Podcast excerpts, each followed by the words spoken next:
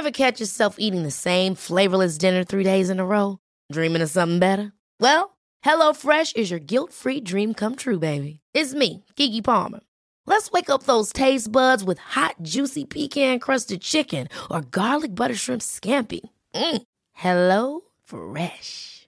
Stop dreaming of all the delicious possibilities and dig in at HelloFresh.com. Let's get this dinner party started. When you're ready to pop the question, the last thing you want to do is second guess the ring.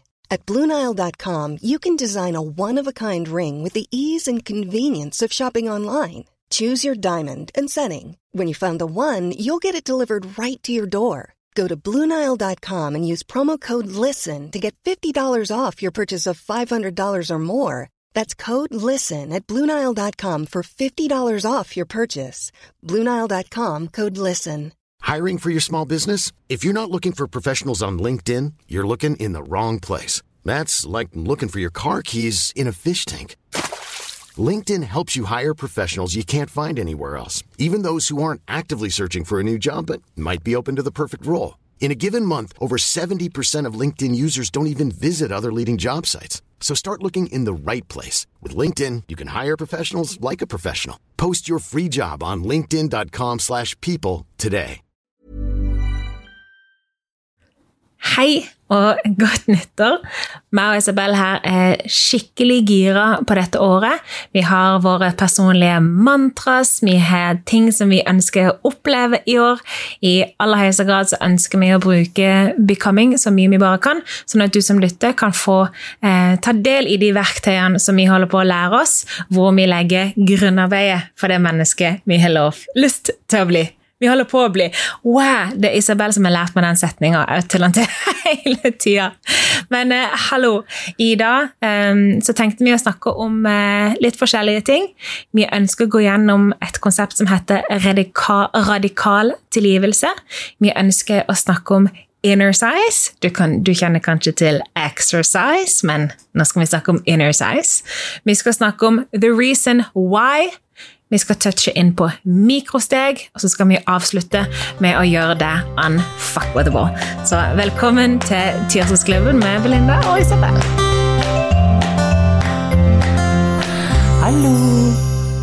Så radikal tilgivelse, det er, er en bok skrevet av en forfatter som heter Colin Tapin. Den boken den endret hele mitt liv. Og det høres kanskje litt dramatisk ut når jeg sier 'endret hele mitt liv', men den endret mitt perspektiv på hvordan jeg ser meg selv, og mine egne følelser og tanker i, eh, sammen med folk rundt meg. Og det som var så utrolig fascinerende med den boken, var at når han snakker om tilgivelse, så snakker han om tilgivelse som en form for forståelse. Fordi følelser er blandet med tanker. Og hvis de blir bundet inn i hverandre for mye, så er det sånn mølje du ikke får tak i. Så du kjenner en følelse, og så har du tankekjør som spinner i 120 ved siden av. Og det den boken lærte meg, var å skille mellom følelsen og tanken. Og da få mer forståelse av hva er tanken bak følelsen, og hva er følelsen i seg selv. Oh, wow, nå, nå, imponerer du meg, Isabel. Jeg tror det er radikal tilgivelse. Eller for meg, jeg har lest den boka sjøl etter anbefaling av deg, så handler, handler boka om å, um, om å gi slipp for å gjøre mer plass hos meg. For det jeg følte, var at eh, jeg har gått og båret på mange mennesker eller mange historier eller situasjoner som jeg ikke ønska å tilgi, fordi jeg følte ikke de fortjente en tilgivelse. Men den boka lærte meg at dersom jeg tilgir, så slipper jeg opp.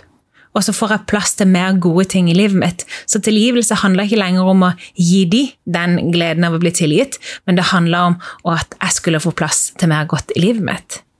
Og det er jo helt riktig, for det du snakker om nå, er resultatet av radikal tilgivelse.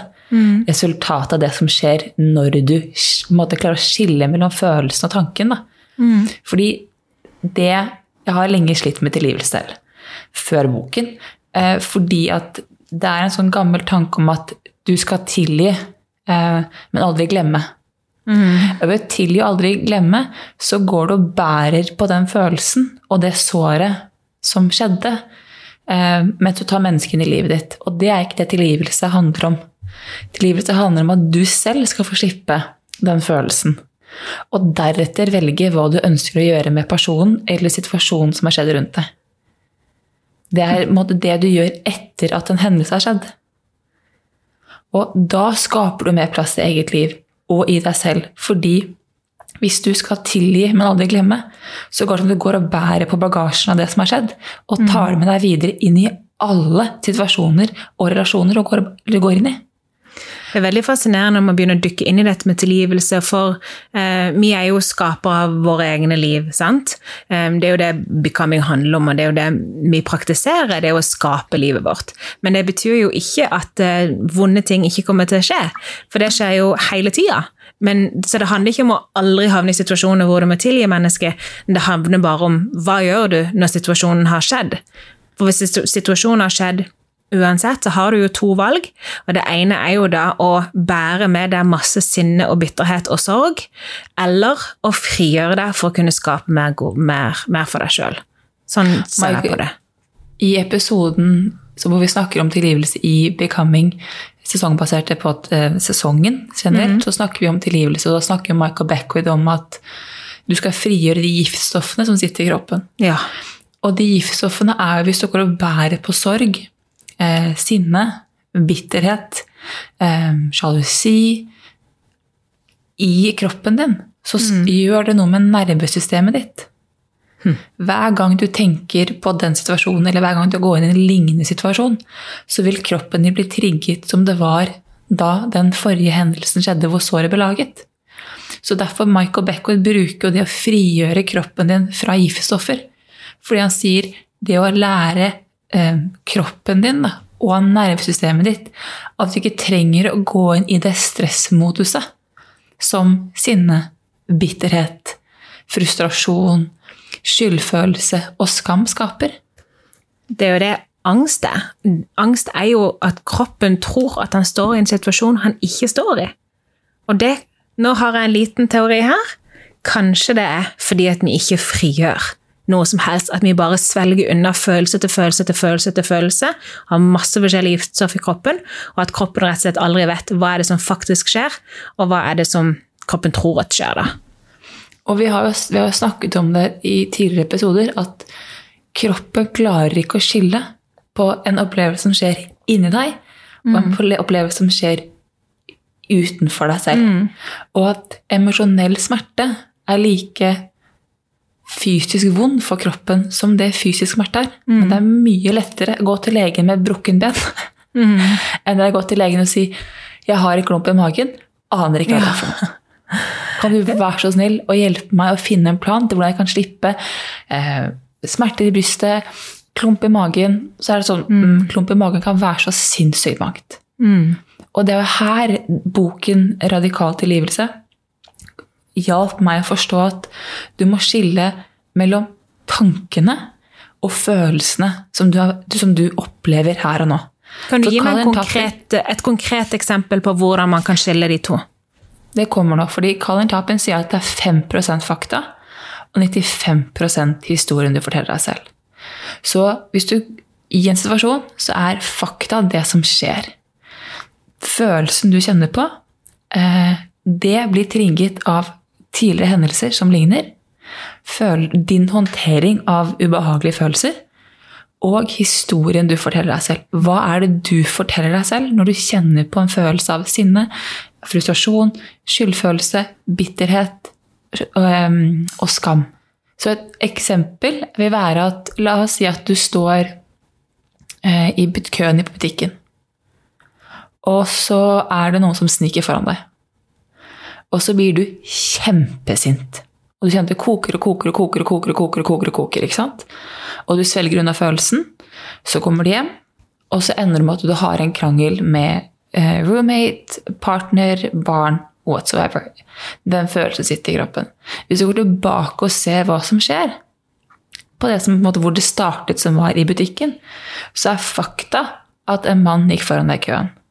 Følelsen av sinne, eh, det å bli ignorert, det å ikke være viktig nok. Ikke sant? Lignende hendelser som har skjedd tidlig i livet. Og da historien du forteller deg selv om at 'jeg er ikke viktig', alle folk gå foran meg, ingen ser meg, ingen hører meg. Det er det som er med på å skape situasjonen du står i. Og din opplevelse av det som skjer. For det er alltid, uavhengig av hva som skjer, så det er alltid din opplevelse. Du, Belinda, jeg og våre lyttere vil alle ha vår egen opplevelse av enhver situasjon.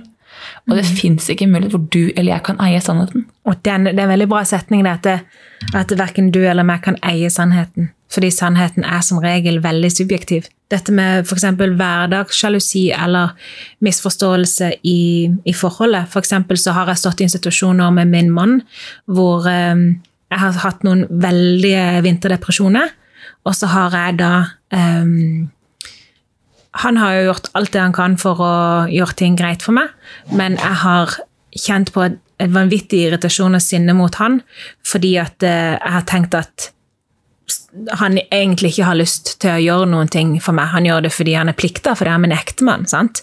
Så da igjen så har vi da 5% Altså mine tanker, mine følelser, de spinner seg ut fra 5% fakta. Fakta er at jeg står i en mørk tid, min ektemann prøver å hjelpe meg, men mitt 95 oppspinn er jo da er et vanvittig problem. Han har egentlig ikke lyst til å være med meg. Han har valgt feil kone.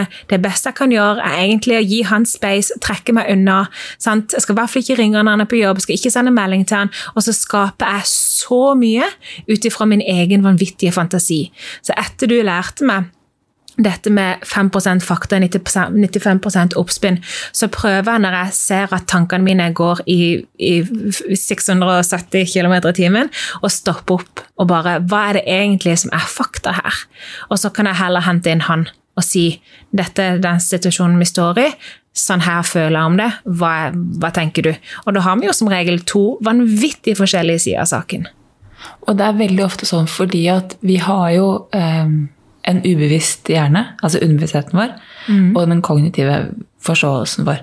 Mm. Og de lærde, de lærde, strides litt. Jeg tror de sier at det er mellom ja, 8-5 som den kognitive, vår tenkende hjerne, mm. på en måte får med seg. Og så blir resten styrt av underbevisstheten vår. Og der kroppen snakker eh, til gjennom vår underbevissthet. Kroppen, Følelse er kroppens språk, og de snakker veldig ofte gjennom underbevisstheten din. Så vi kan ha mange følelser vi ikke tror vi har. Jeg har i hvert fall vært sånn at det var veldig mange følelser jeg ikke trodde jeg hadde. Jeg ikke ønsket å anerkjenne. Og så går jeg i en situasjon hvor jeg blir trigget. Og trigger er jo egentlig en gammel følelse som forsøker å få oppmerksomheten din.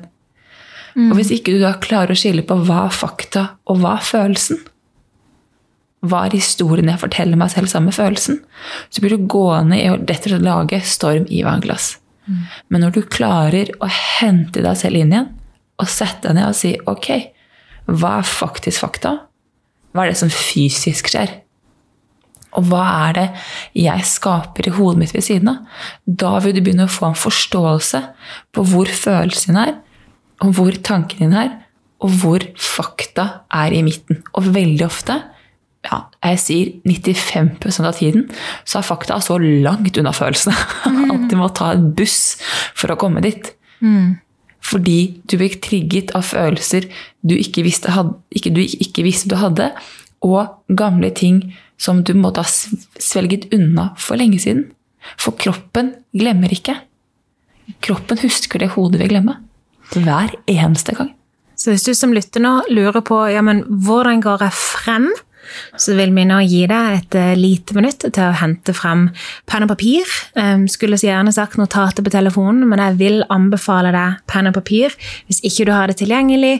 Og du hører på oss på telefonen nå, ta så screenshot um, dette minuttet, eller hvor du er hen i podkasten, sånn at du kan huske uh, minuttet vi er på akkurat nå, og så kan du gå tilbake etterpå og, hente, og høre akkurat dette denne porsjonen av poden igjen, sånn at du kan skrive ned um, det som vi skal gå gjennom nå.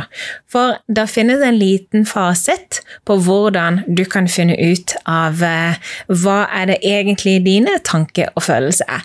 Og mens du nå febrilsk leter rundt etter penn og papir, så vil jeg gjerne fortelle veldig kjapt hvordan denne lista og denne øvelsen, om du så kan kalle det, eh, hjalp meg nå for et par dager siden, der jeg kom til Isabel med mye frustrasjon og mye sinne.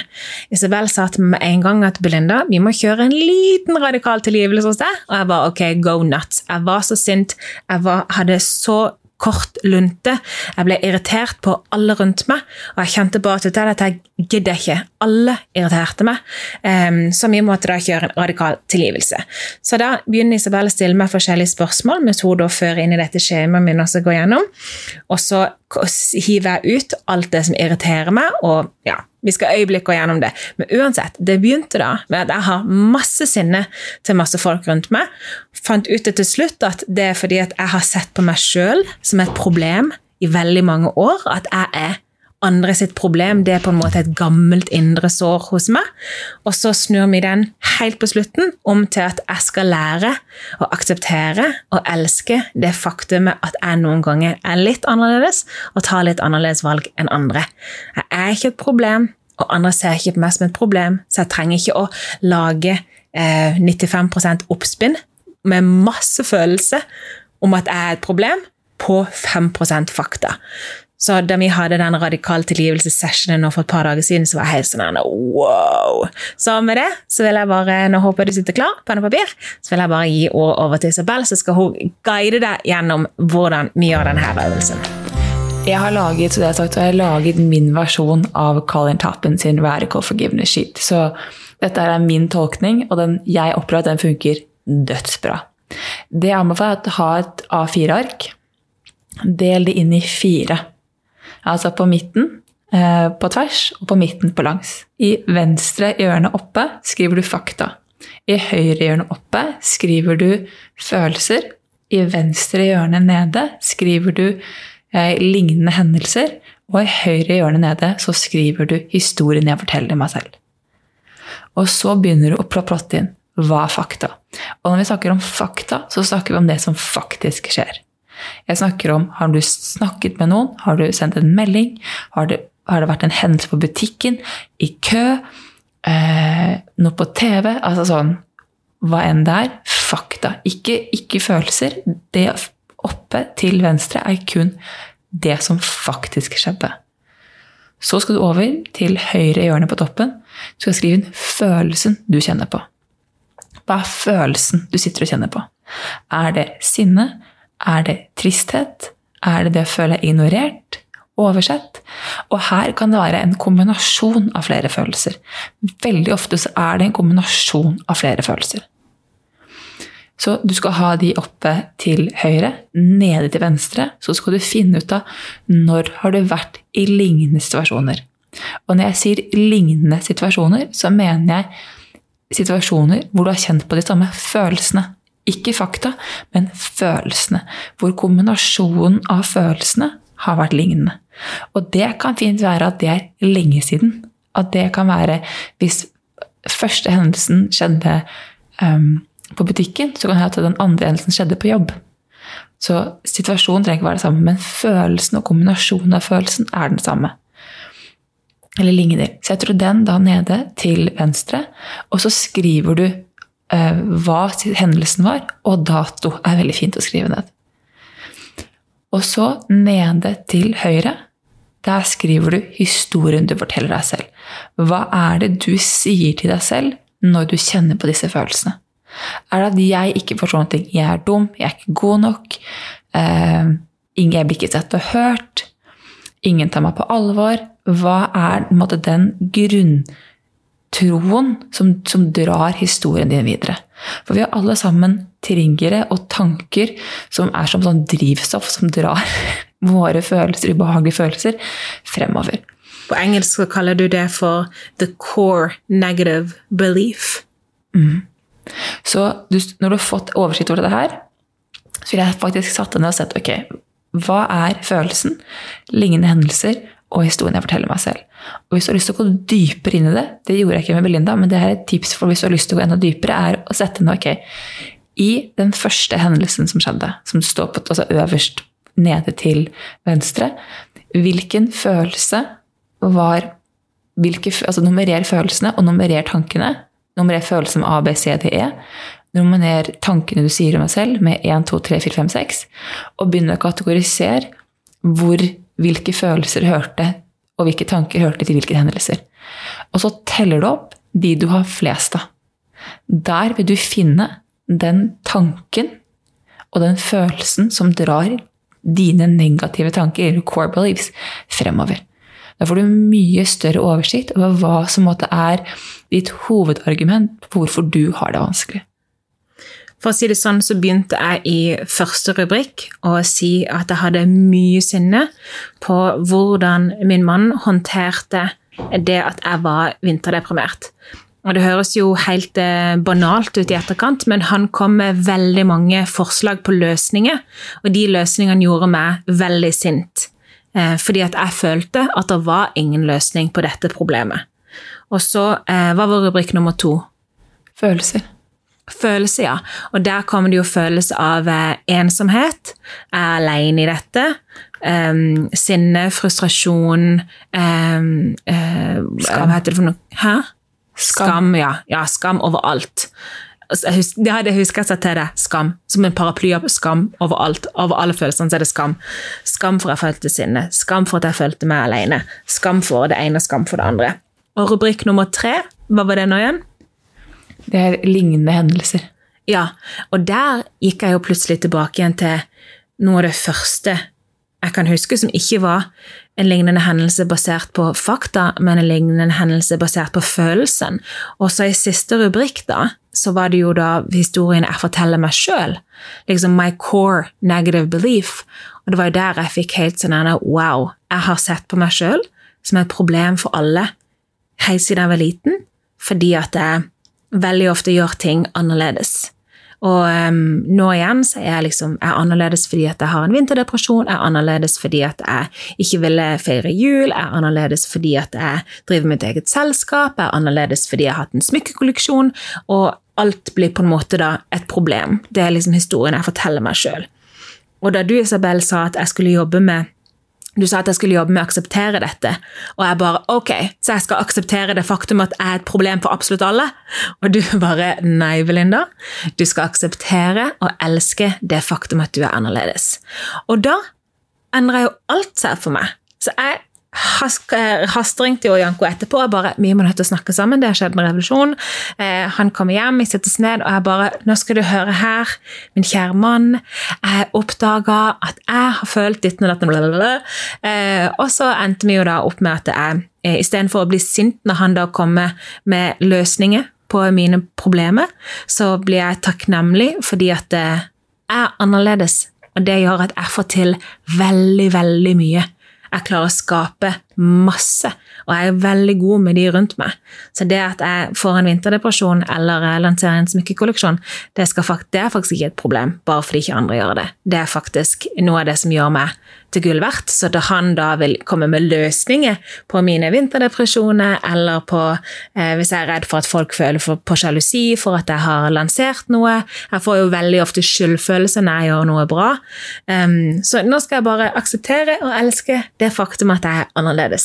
Så det er sånn radikalt tilgivelsesskjema. Yes!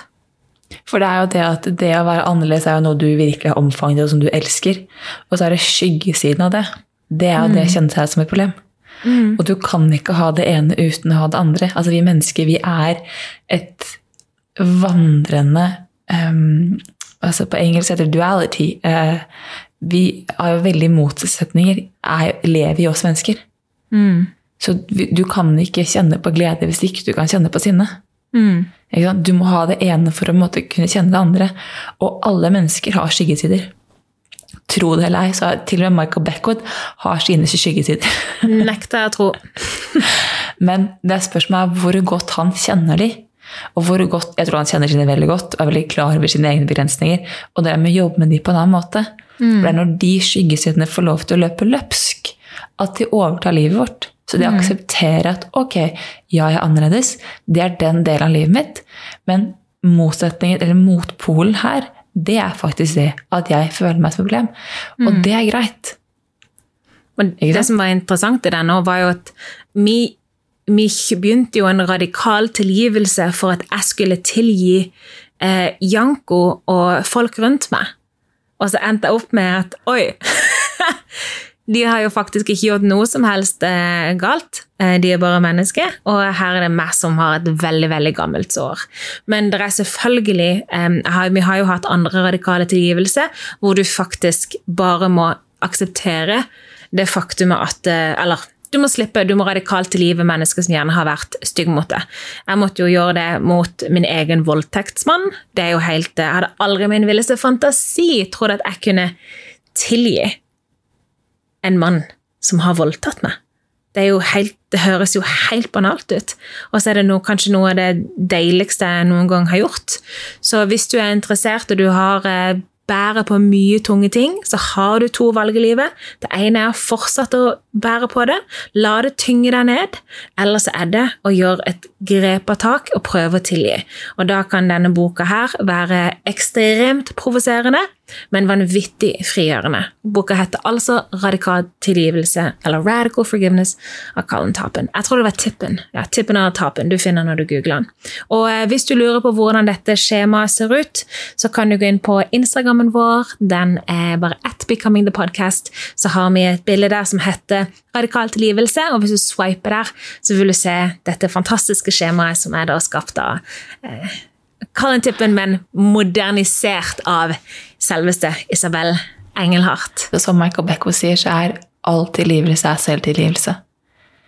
I bunn og grunn så handler all tilgivelse om å slippe følelsen i seg selv. Ikke alle andre mennesker. Når du slipper følelsen av selv, så slipper du også automatisk i alle andre. Når du tilga din voldtektsmann, så var det den du tilga, var den følelsen som satt i din kropp. Ja. Og dermed klarte du også å tilgi og slippe han. Og det betyr ikke altså bare si det på, helt på slutten, at det betyr ikke at du ikke skal følge opp rettslige handlinger mot folk som har gjort deg vondt. Mm. Det er ikke det radikal tilgivelse handler om i det hele tatt. Har noen voldtatt deg, vær så snill og anmeld dem. Altså, ta ansvar for egne handlinger. Du skal ikke måtte bli tråkket på eller gått over i det hele tatt. Men det handler om å slippe den følelsen og det såret du går og bærer på selv. Det er derfor det heter radikal tilgivelse. Nettopp. Det er, det er radikalt. Så eh, vil vi snakke bitte litt om et eh, nytt konsept som ikke er nytt i det hele tatt, som vi kaller for inner size. Så, ok. Um, exercise, det er jo å trene kroppen, sant? Eh, det er noe du gjør eh, hakket mer enn det jeg gjør. Eh, du går på løpetur, eller du går på styrketrening, eller du går yoga. Du som trener, du vet kanskje at øvelse gjør mester, at man er ikke superflink første gang man går på et gym. Er, det er ikke så veldig mange som er naturtalenter første gang de prøver å løpe miler. Og jeg vet at jeg i hvert fall ikke var veldig flink første gang jeg prøvde verken yoga eller tennis eller padel eller noe som helst. Så det vi er veldig vant med, det er jo da tankegangen om at øvelse gjør mester. at jo mer mer du gjør det, jo flinkere blir du. Så dersom jeg da ønsker å løpe mila, og ikke får det til på første forsøk, så er det litt sånn at ok, det går fint. Jeg bare trener. Jeg må trene kroppen og lungene mine og psyken min opp til å kunne gjennomføre dette. Og hvis man har problemer med det, så er det veldig mange som googler liksom treningsprogrammet, vi følger treningsapp vi eh, får eh, PT som hjelper å trene oss for at vi skal bli sterke nok til å kunne eh, gjennomføre et eller annet mål vi har. Sant? Men så er det så mange av oss som ikke har forstått at det samme gjelder hjernen vår. Så derfor vil vi minne deg på at det er noe som heter inner size. Og det er altså når du trener hjernen din. Så dersom du har et mål om å meditere, du har et mål om å tenke positivt, du har et mål om å begynne å visualisere og manifestere, du har kanskje et mål om å begynne å lese, eller du har et mål om å eh, tenke annerledes enn det du gjør i dag, så er det mange som sier til meg at åh, oh, men jeg får det ikke til. Så tenker jeg, ja, men kjære venn, du har jo ikke trent nok. Dette tar veldig lang tid. Og veldig ofte så sammenligner jeg sjøl jeg sammenligner min dag én med f.eks. Isabel sin dag 500 000, for jeg har vært på denne reisen lenger enn meg. Og veldig mange av dere som lytter, sammenligner deres dag én med vår dag 1000. Så det er viktig å huske på at dersom du er interessert i å gjøre denne endringa, dersom du er interessert i å lære nye ting om deg sjøl, så kan det være lurt å implementere mikrosteg og ha fokus på at hjernen må trenes. Så dersom du har fått en ny telefon, og du ikke forstår den med en gang, så kaster ikke du den telefonen i veggen og sier 'jeg er ikke skapt for dette her telefonhysteriet'. Sant? Dersom du går inn på bussen og det er en ny måte å betale på, så knuser du ikke betalingsautomaten fordi du ikke forstår det med en gang. Sant? Det er mange ting som man må gjøre gjentatte ganger for at hjernen skal akseptere at ok, jeg skjønner, jeg begynner å knekke koden da. Så hvis du da f.eks. sliter med å tenke positivt, så hallo, Rome wasn't built in a day. Sant? Hvis du sliter med å gripe tak i takknemlighet, ok, du, jo, du holder jo på å øve. Kanskje du er flink om fire-fem år til. Det er som vi snakker om i poden òg, eh, i den sesongbaserte delen av Becoming, at eh, det handler ikke om det mennesket du er i dag eller i morgen, det handler om det mennesket du holder på å bli. Og igjen, som eh, vår gode venn Vision Lakiani sier, vi overvurderer hvor mye vi kan gjøre på et år, og undervurderer hvor mye vi kan gjøre på tre år. Så den, hvis du bare har snudd én negativ tanke til en god tanke i dag, så er det én form på trening som du har gjort, som gjør at du i morgen eller neste måned kanskje klarer å snu to negative tanker om til to positive tanker. Og det som skjer da, er at jo mer positivt du tenker, jo mer positivt får du. Jeg eh, klarer ikke å forklare hvorfor. Det er the law of attraction. Den, den går way beyond me. Jeg bare aksepterer at sånn er det. Robin Sharma sier jo det i boken sin The 5 EM Club, at du har ikke hjernen du vil ha, du har hjernen du har fortjent. Og mm. når han sier det, så betyr det at nyere forskning har funnet at hjernen er en muskel. Det kan trenes opp helt til den dagen du dør. Og på lik linje som alle andre muskler, så må den trenes. Mm. Og hvis du trener den, så vil du kjenne på at må, det må repeteres. For repetisjon gir progresjon. Det er det Jim Quick sier. Og at hvis du, skal, hvis du skal ekspandere hjernen din og forståelsen og bli bedre, så må du også tørre å pushe deg selv litt lenger. Hvis du ønsker å løfte 100 kg i benk, så må du tørre å legge på den vekstdagen. Mm. Og det samme er det med mental trening og inner size. Mm. Og det som er at veldig mange mennesker kan lese veldig mange bøker, men hvis ikke du tar ut én av de tingene og implementerer det i livet ditt, så har ikke den boken påvirket deg og ditt liv på noe annen måte enn at du sitter og hører og kan mer. Én ting er å kognitivt forstå det. En annen ting er å implementere det i deg. Mm. Og det er som at hvis du skal begynne å trene og løpe milen, så må du starte å løpe én kilometer. Og så må du pushe deg til å løpe to. Fra å løpe én kilometer til å løpe to, det er tungt. Det kjennes ut som mm. om du måtte ha, ha fått til bragd når du kommer inn på to kilometer-trekken. Og det er helt fint. Men du må hele tiden repetere, for det er ferskvare. Hjernen din er en ferskvare. Det å trene er en ferskvare. Den kan glippe. Er du god, så kan du glippe én eller to dager, men du må hente deg selv inn igjen. Mm. Og dette er derfor vi snakker om mikrosteg. Det å tørre å ta små justeringer. Og det for å kunne gjøre en liten justering altså Mikrosteg er jo små forandringer med høy prioritering. Mm. Hvis du ønsker å ta å gjøre et mikrosteg og gjøre en endring, så er det så viktig at du vet hvorfor. Det er så sinnssykt viktig hvorfor at du har årsaken bak. For årsaken er drivkraften din. Mm. Det er det som gjør at du gjør det selv om det er kjipt. Mm. Min årsak til hvorfor jeg har min morgenrutine og jeg leser så mye og jeg gjør det jeg gjør, er fordi jeg ønsker å leve et ekstraordinært liv. Er jeg der enda? Nei. Vil jeg komme dit? Ja. Men jeg gjør ting fordi jeg ønsker å leve et ekstraordinært liv.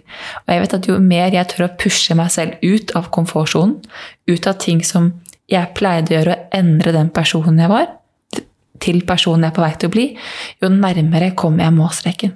Men det mm. krever disiplin fra meg, og da er det så viktig at jeg vet hvorfor jeg gjør det. For hvis hvorfor er sånn Nei, jeg vet ikke. Du vet, alle andre sier det er kult. Ok.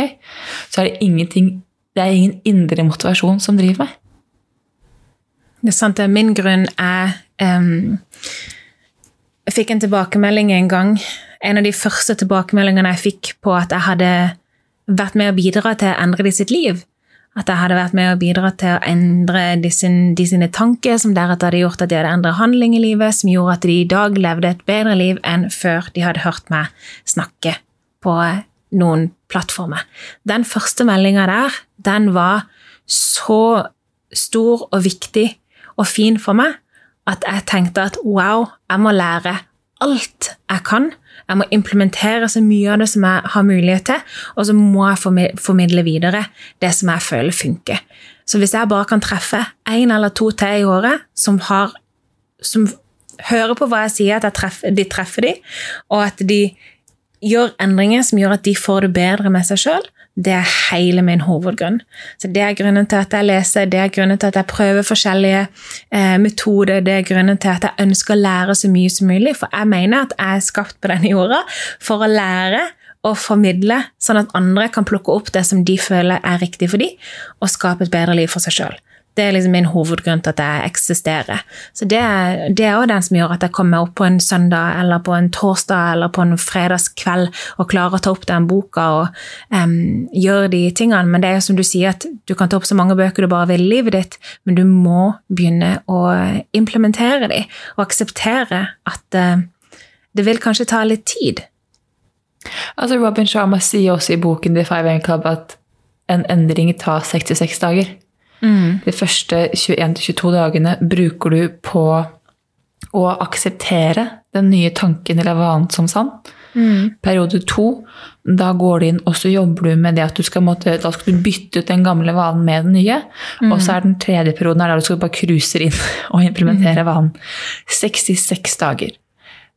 Det er det når jeg starter en ny vane, så setter jeg alltid for meg 66 dager frem i tid. Der er du veldig god. For jeg setter også de dagene frem i tid, og så er jeg ferdig på dag fire. Men derfor, derfor så eh, Men det, man kan gjøre ting forskjellig, da. Og så er det noen ting Det er det som er så fint. Det finnes så veldig mange verktøy og måter å gå frem på. Som sagt, det finnes tusen veier til rom. Så mm. hva som funker for deg, er det som funker for deg. Men du må sette inn og gjøre en handling. Mm. Fordi å ønske seg noe, et annet resultat, uten å ta, implementere handlingen, det er galskap. Mm. Hvis du gjør samme ting om og om igjen og forventer et annet resultat, så er det galskap. Jeg tror eh, Albert Einstein sa det. Og det er jo sånn, hvis du går på Jeg elsker jo å se på sportsstjerner, de store sportsidolene, for de inspirerer meg så sinnssykt hvordan de håndterer den mentale delen. Eh, Michael Jordan, som hele tiden trente på nye ting. Jeg tror det er, det er en fransk NBA-basketballspiller som jeg ikke husker nå, Tony et eller annet. Han, midt i karrieren sin, han hadde vunnet NBA, midt i karrieren sin så begynte han å trene på et nytt skudd. For han ønsket å bli en bedre basketballspiller. For han hadde sett at um, Tiger Woods gjorde det med sitt golfslag. Så selv når han var god på et verdensmesternivå, så valgte han å legge inn trening så han kunne bli bedre. Hm. Og det, er det du må hele tiden utvikle deg. Mm. Hvis du stopper å utvikle deg, så stopper du også altså da, da, repeterer du bare det samme om og om igjen. Mm. Så poenget er ikke det, men du skal gjøre alt på en gang. Poenget er at du skal gjøre én ting, fokusere på én ting. Finn grunn til hvorfor denne tingen er viktig for deg, og så gjør den i 66 dager. Mm. Og dette med positiv tenkning jeg tenkte bare på det, for jeg, jeg, har fått noen meldinger fra mennesker som sier at dette her med positiv tenkning, det er ikke noe for meg. Jeg har gått gjennom ditten, jeg har gått gjennom detten, jeg har senskade etter sykdom, eh, jeg står i denne situasjonen, jeg står i denne situasjonen. Så ikke kom til meg og si at jeg skal tenke positivt når jeg står i en så vanskelig situasjon som jeg gjør i. Og det kan jeg forstå. Og jeg tror at veldig mange som veldig mange som hører om andre som snakker om positiv tenkning, jeg lurer på om folk tror at vi er bare født positive, og at vi ikke møter noen ting motstand i livet, og at ting ikke er vanskelig. Men det, det, stemmer ikke i det hele tatt. Men hvis du står i en situasjon, så har du to valg. Det ene er å være bitter og sur overfor situasjonen. Det andre er å prøve å se etter muligheter og være takknemlig for det du har. Når du ser etter muligheter og er takknemlig for det du har, nummer én, du tiltrekker deg mennesket. Nummer to, så klarer du kanskje å se ting som har vært der hele tida, men som ikke du har vært, som har vært blokkert av sinne og bitterhet og sorg. Du kan se muligheter, og så handler det om å gripe de mulighetene. Du kan kave deg ut av den situasjonen du står i. Kanskje det ikke tar ei uke, kanskje ikke en måned, kanskje det tar veldig lang tid, men uansett hvilken situasjon du står i, så hjelper det ingenting å være sint og bitter og negativ om situasjonen du står i. Det fører ikke til noe som helst fremgang. Det gjør at du pusher menneskene rundt deg bort. Veldig mange som er som har mye sinne, de føler ofte at hvis jeg bare får vist folket hvor vondt jeg har det, så vil de synes synd på meg, og jeg vil få mye oppmerksomhet. Men det er løgn. Sannheten er at jo mer sinne og mer bitterhet og negativitet du utstråler, jo færre mennesker ønsker faktisk å være rundt deg. Og dette her snakker jeg av kjip erfaring. Jeg er veldig klar over hva jeg gjør med menneskene rundt meg i de periodene som har vært veldig mørkt for meg. Men positiv tenkning det handler ikke om at du skal løpe rundt og sette blindfold foran øynene dine. Det handler ikke om at du skal synde og nynne og være den dumme pia som bare går rundt og liksom ikke aner hva som skjer i verden. Det handler om å se etter muligheter og kjenne på takknemlighet for de små ting. For eksempel da, jeg skal ta mitt eksempel vi snakka om for litt siden. Um, nå har jeg god økonomi for første gang i mitt eh, liv. Jeg er 35 år. 2022 skulle være året hvor jeg faktisk kan si at jeg har god økonomi. Men i periodene hvor jeg hadde dårlig økonomi, da jeg og min mann begynte med dette her, eh, hele dette her law of attraction eller mind, eh, brain, teach, whatever du skal kalle det, da hadde jo vi, vi eide ikke ingenting. Det var to år siden, og vi hadde ingenting. Vi hadde ikke lønn, vi hadde masse kreditt. Vi eide ikke hus, vi eide ikke bil, vi eide ikke noen ting. Men det å kunne sette pris på situasjonen man er i, fordi at man, man vet egentlig at det står i kontrast til hvordan det vil bli i fremtida. Så det å stå i f.eks. dårlig økonomi og kunne kjenne takknemlighet for at wow, jeg er glad for at jeg kan oppleve hvordan det er å ha dårlig økonomi, for dette, den dagen dette endrer seg, så kommer jeg til å være en av de som setter pris på det, mer enn noen andre. Eller f.eks. sorgen etter min far da han døde av kreft, så kunne jeg kjenne på vanvittig takknemlighet for at jeg fikk lov til å elske noen så høyt at jeg sørga så mye. sant? Og se etter det vakre i det vonde. Så jeg vet at det er noen situasjoner hvor det føles uendelig vanskelig og umenneskelig, og man blir bare sint bare noen skal fortelle deg at du må tenke positivt. Men hva får du ut av å sitte der i din egen negativitet? Michael Beckwood sier jo det at du kan Han bruker jo sier at positivitet er å leve i fornektelse, men det var optimistisk. Det er det, er det du snakker om her nå. Mm. Det å være optimistisk. fordi når du er optimistisk, så kan du anerkjenne følelsene og situasjonen du står i her nå, men vite at det kan være en bedre dag i morgen. Mm. Det kommer en bedre tid fremover. Mm. Og det å tørre å jobbe mot det som skjer i morgen. For det å kun For, være positiv og unngå alle negative følelser, det er å leve i fornektelse. Mm. Og det er ikke det det handler om. Det handler om å tørre å sette seg ned og være sånn Ok, det er kjipt. Det jeg står i dag, er kjipt. Mm. Det skal jeg få lov til å sitte og akseptere og føle 110 mm. Men jeg vet at det kommer en dag i morgen, det kommer en uke neste uke, og en mandag og et år. Og jeg ønsker, vet at det kan bli bedre, og det er det jeg jobber mot. Mm. For meg så handler positiv tenkning egentlig om um, hva, hva, slags perspektiv du ønsker å ha på situasjonen du står i. Så da jeg begynte med dette Jeg var jo negativ Nancy, så det holdt. Så jeg måtte begynne å skrive ned det motsatte av mine følelser. Og det, det jeg som regel jeg skrev, var 'jeg har ingenting'. Sant? Jeg har ingenting i livet. Den kom alltid som nummer én. Og da måtte jeg skrive ned det motsatte. Jeg har familie, jeg har kjærlighet. Jeg bor i Norge, hvor som gjør at det, uansett hvilken retning jeg faller i, så vil det komme en eller annen instans og ta meg imot. Sant? Du har Nav, du, har liksom, du, du, kan ikke falle så dypt her i Norge som du gjerne kan i andre land. Um, og uh, jeg har dårlig helse, jeg har uh, ingen jobb, jeg har liksom ingen uh, utdanning, jeg har ingen økonomi, alt dette her. Så måtte måtte hele tida bare skrive motsatt. Jeg har ingen økonomi, men jeg har mat på bordet hver eneste dag. Og jeg har en familie som kan hjelpe meg hvis ikke. Eh, jeg har ingen jobb, nei, men jeg har en lidenskap, og jeg vet hva jeg har lyst til å skape.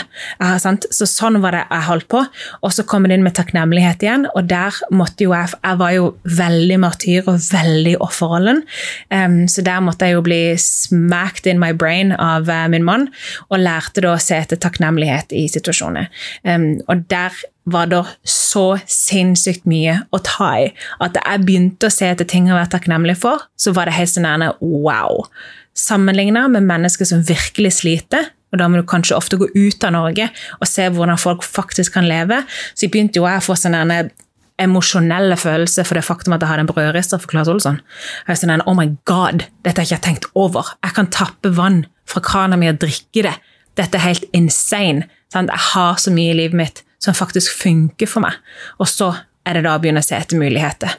Fordi at mulighetene er der for alle. Det er ikke bare for spesielt utvalgte. De er faktisk tilgjengelig for absolutt alle. Og her vil jeg anbefale, hvis du, du står i en sånn situasjon, og du kjenner på at nå koker det, bruk det skjemaet som vi snakket om i tidligere episoden. Hva er fakta? Hva er følelsen? Hva er tidligere følelser? Hva er historien du forteller deg selv? Fordi fakta og historien du forteller deg selv, er veldig ofte veldig forskjellig. Og når du kan begynne å jobbe med følelsen, så kan du også samt i det momentet så vil du skifte perspektiv. Og da vil du kunne åpne opp og se nye ting, sånn som du sier, Belinda, om det å se hva du faktisk har. Hvis fokuset hele tiden er på hva du ikke har, så er det kun det du ser. Hvis du mm. klarer å gå inn og endre forståelse selv, vil du også kunne åpne opp og se oi, ok, jeg har det. Det funker. Mm. Og det er noe jeg har lyst til å ta med meg videre for å skape den personen jeg ønsker å bli. Nettopp. Med det sagt dersom du har lyst til å skape mennesket du har lyst til å bli, og du syns det er mye å gripe tak i, og det er vanskelig, du vet ikke helt hvor du skal begynne, så må jeg her kjøre inn litt reklame. Ok, Er det greit? takk, det er greit. Det som er I mai i fjor i mai i fjor ble det nå. Vi er jo allerede i 2022. I mai 2021 så ble jeg kunde av Isabel. Det vil si at vi møtes um, ukentlig med Isabel hvor vi går gjennom eh, alle tingene som egentlig plager meg. så jeg kom til Isabel med mye ønske, mye lidenskap og mye frustrasjon. Mye følelse av angst, eh, mye følelse det ikke var god nok, eh, og mye sånn uncertainty. Isabel har guidet meg gjennom mange forskjellige samtaler, mange episoder med radikal tilgivelse.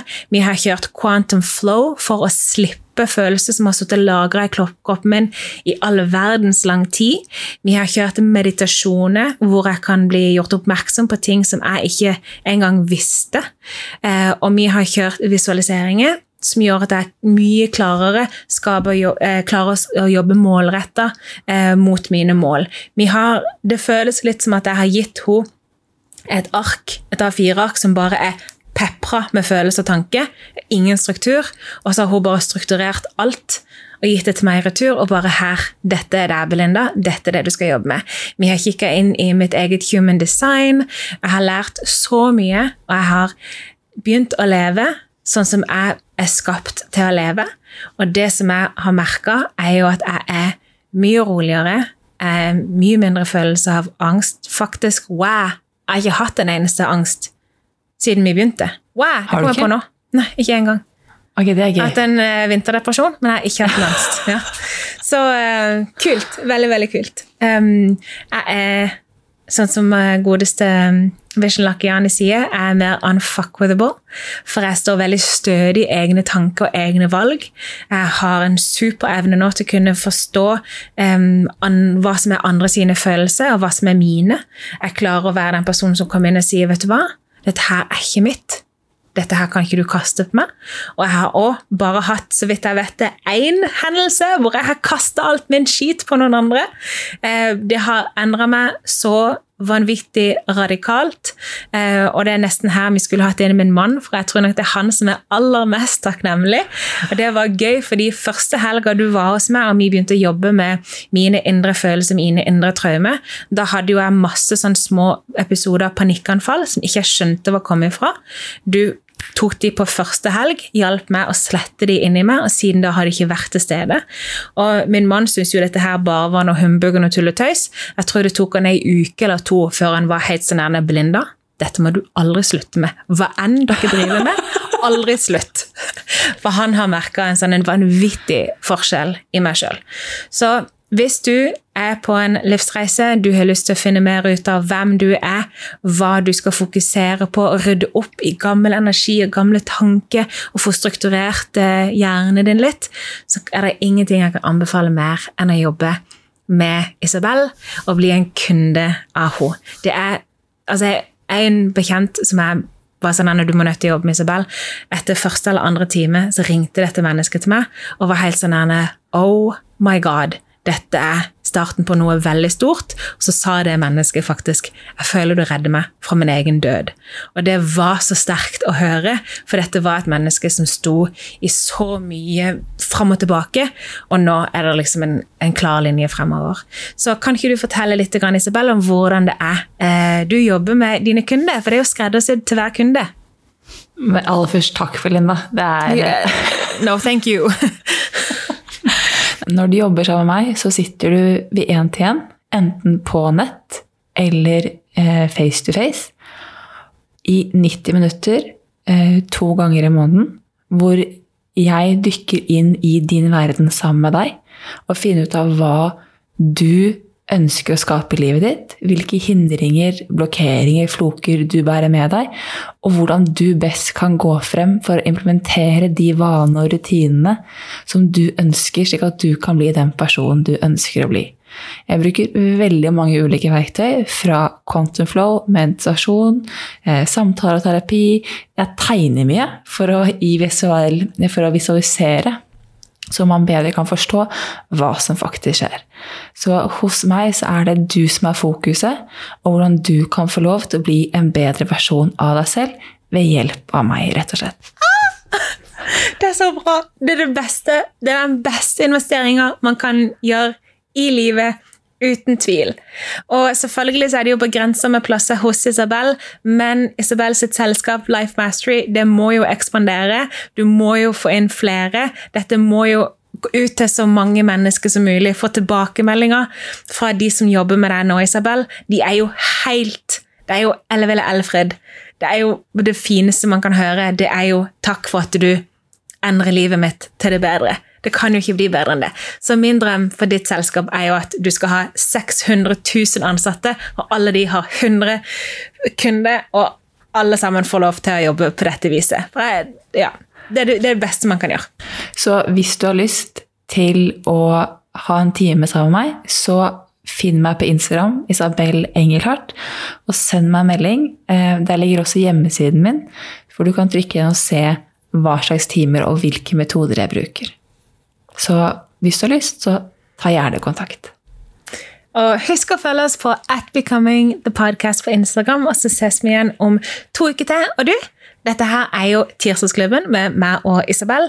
Hvis du har lyst, så vil jeg anbefale deg å starte din egen tirsdagsklubb. Vi har jo en vennskapstråd, det er sånn tirsdagsklubb vennskapstråd inne på vår Instagram i tillegg, hvor du kan finne noen med samme interesse, sånn at du kanskje kan ha din egen tirsdagsklubb, hvor du kan dele tips og erfaringer med noen som er på samme reise som deg. Så med det så høres vi om litt, og så ønsker vi dere fortsatt et godt nyttår. Ha det! Ha det!